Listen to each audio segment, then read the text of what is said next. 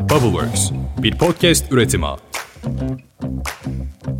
Efendim selamlar. Sıcak bir haftadan tekrar serzenişlerle açıyorum podcast'i size. Koltuk altlarınızı serinletmeyi ihmal etmeyiniz. Ben geçtiğimiz hafta sonu iki arkadaşımın yıl dönümü kutlaması hasebiyle bir tekne turuna katıldım. Orada da alkol, deniz, yemek derken biraz mayışmışım. Kitabımı okurken güneşin alnında uyuyakaldım. Allah'tan uyurken son aklı başında nöronumla kitabı suratıma kapamayı akıl etmişim de yüzüm yanmadı. Yani orada öylece bir 20 dakika uyuyakalmışım arkadaşlar. Uyandığımda bedenim alarm vermeye başladı ve hemen kendimi denize attım fakat nafile. Akşam eve geldiğimde kırmızıydım. Bir de beni hiç gördünüz mü bilmiyorum. Ben biraz beyazım. Ve hatta teyzemin uydurduğu bir rivayete göre doğduğumda beni florasana tutmuş ve iç organlarımı görmüş. Bilmiyorum bu bana biraz abartı bir söylem gibi geldi. Neyse. Benim böyle bir sorunum oluştu yani. Herhalde bir iki güne normal ten rengime dönerim diye umuyorum. Tenimizde bu yanık nasıl oluşuyor hemen onu da bir açıklığa kavuşturalım hızlıca. Güneşten gelen ultraviyole ışınlar cildimizdeki melanin içeren hücreler tarafından emiliyor. Melanin de bedendeki hemen her şeyin rengini üreten arkadaşımız. Neymiş demek kana kırmızı rengi veren madde? Nasıl?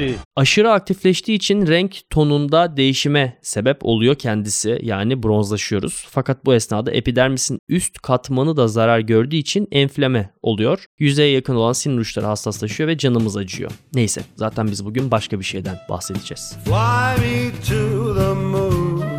Let me play among the stars.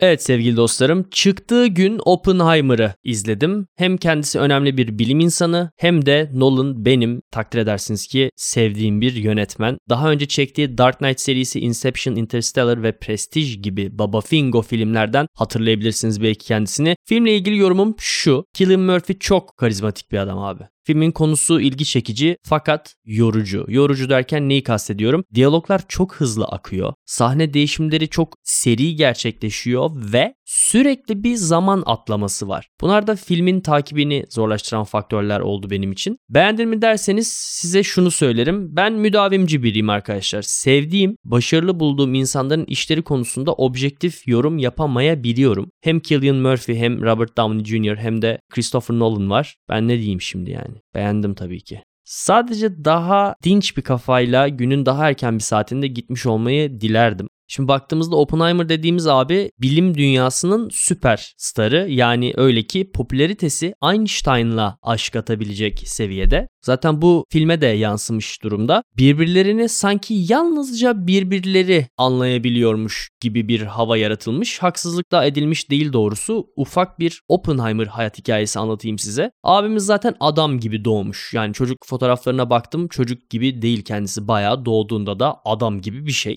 1904'te New York'ta varlıklı bir ailede dünyaya geliyor. Entelektüel bir ebeveyn çiftine sahip. Annesi sanatçı, babası tekstil imparatoru falan gibi bir şey. Vitali hak koymuş babası meğerse. Çok hızlı bir şekilde konuşmayı, okumayı ve yazmayı öğreniyor ve bilime ilgisi de babası ona eğlence olsun diye içi kuars taşlarla dolu bir kutu verdiğinde başlıyor. Jeolojiye merak salıyor bununla birlikte. Şöyle bir olay geçmiş mesela başından. Küçük kardeşiyle futbol oynarlarken top bir bebeğin pusetine çarpıyor ve çocuğun annesi bunlara çok sinirleniyor. Bunlar da başlarına bir şey gelecek diye çok korkuyorlar falan. Ve oturuyor bütün gece hesaplamalar yapıyor. Eğer jüri karşısına mahkemeye falan çıkarsa o mesafeden kendi yaşında bir çocuğun bu ağırlıktaki bir topla başka bir canlıya fiziksel bir hasar veremeyeceğini matematiksel olarak kanıtlayan bir savunma yazıyor. Kafa hep uçukmuş yani abinin zaten hep başka bir yerlerde. Neyse efendim sonra Harvard'da fizik ve kimya çalışmaya başlıyor. Sonra Avrupa'ya gidip teorik fizik alanında doktora yapıyor. Kendisi 7 dile akıcı bir şekilde hakim. Çok iyi at sürüyor ve bir yandan da çapkınlığıyla da nam salmış kendisi. Edebiyata ve şiire çok düşkün, çok güçlü bir hitabet ve narratif yeteneği var. Deniyor ki Amerika başkanı dahil ikna edemeyeceği kimse yokmuş. Fakat filmde görüyoruz ki bu söylem tam anlamıyla doğru değil.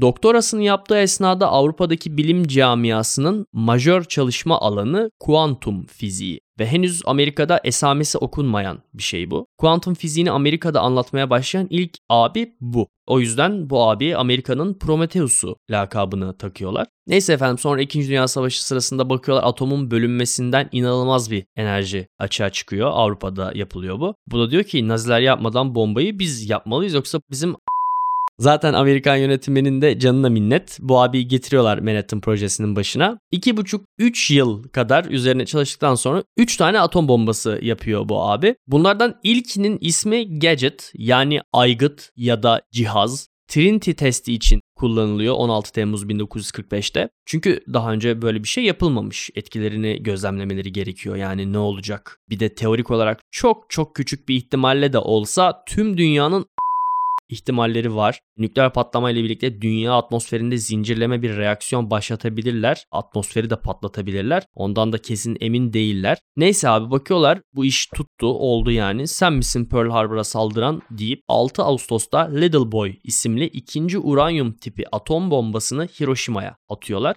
Aradan yalnızca 3 gün geçiyor. Bu sefer de Nagasaki'ye üçüncü bir bomba olan plütonyum tipi Fetman'i atıyorlar. Bu çok daha tesirli bir bomba. Fakat şehir merkezini ıskalıyor. Ama yine de yani herhalde 100-110 bin kişiyi falan öldürüyor. Ve bu iki bombanın patlama anında toplam can kaybı 250 bin. Yani bomba patlıyor ve o anda 250 bin kişi anında ölüyor. O zaman dünyanın toplam nüfusu 2,5 milyar. Yani tüm dünya üzerindeki her 10 bin kişiden birini öldürüyorlar. Yalnızca iki bombayla. Bakın tüm dünya üzerindeki her 10 bin kişiden biri ölüyor. O kadar büyük masif bir katliam yani. Ve tabii ki radyoaktif bir madde olduğu için daha sonrasında kanser olup ölen insanlar da var. Ekolojinin de tutması ve o topraklarda uzunca yıllarda yaşanamamasını da bir kenara koyuyorum. Şu an ikisi de aktif şehirler bu arada. İkisini de gidip gezebilirsiniz. Neyse arkadaşlar tabii ki bu böyle bir yıkımdan sonra Japonya savaştan çekiliyor. Fakat bu sefer de Amerika ile Rusya arasında soğuk savaş başlıyor hangimiz daha güçlü hadi bağalım falan der gibi bir sidik yarışına giriyorlar. Bu bombalar insanlık tarihinde atom bombasının yıkıcı güç olarak kullanıldığı ilk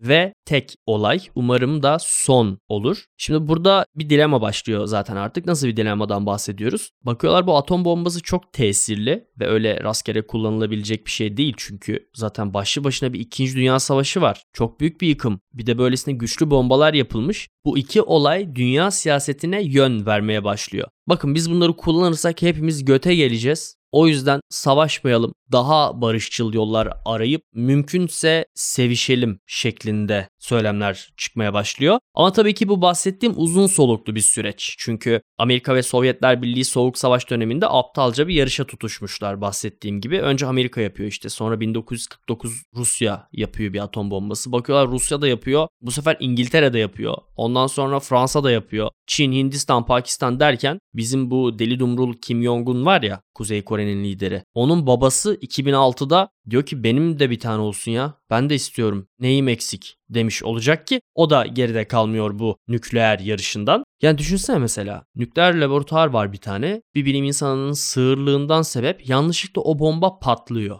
Yani ateşle burutu niye bir arada tutarsınız kardeşim ya? Deniyor ya işte nükleer deterrent, caydırıcı. Yani bakın bizde bu var. Zaten genelde onun için yapılıyor nükleer bombalar. Kullanılmıyor çünkü kullanılamıyor. Ya umarım da kullanılmaz zaten de caydırıcı olarak var olması da ilginç. Çünkü mesela sapık deli birinin başa geçtiğini düşünsene. Benim bombam var deyip lap diye düğmeye bastı. Tabii ki o kadar kolay bir şey değil yani işte. 3 kişinin falan aynı anda anahtar takıp çevirdiği falan filan böyle bir sistemler mevcut. Yani 3 kişinin aynı anda onayından geçmesi gerekiyor nükleer silah kullanılması için. En azından yani. Çünkü bir insan aklına bırakılsa çok devastating bir şey bu. Yani çok yıkım getirici bir şey. Benim kendi gördüğüm nükleer silahın en anlamlı kullanımı 2012 yılında Avengers filmindeydi. Onu da zaten istilacı uzaylılara karşı dünya dışında kullandılar. Onun dışında herhangi bir elle tutulur yanı yok arkadaşlar. Ya da mesela 1940'larda bir Japonsun, savaş karşıtısın, barıştan yanısın. Amerika geliyor evinin çatısında atom bombası patlatıyor.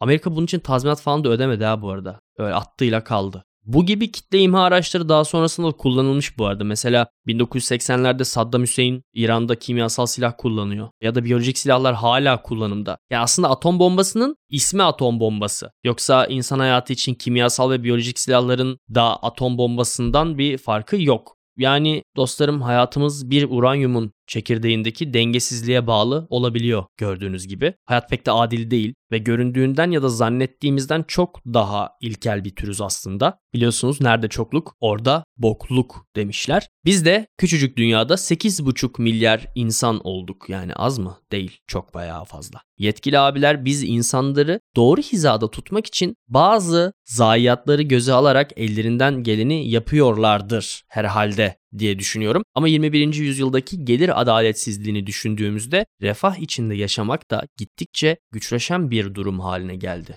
Neyse ama zaten bu başka bir videonun konusu. Kalın sağlıcakla. Sizleri öper zo. I love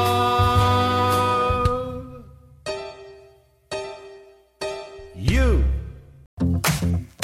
Bubbleworks bir podcast üretimi.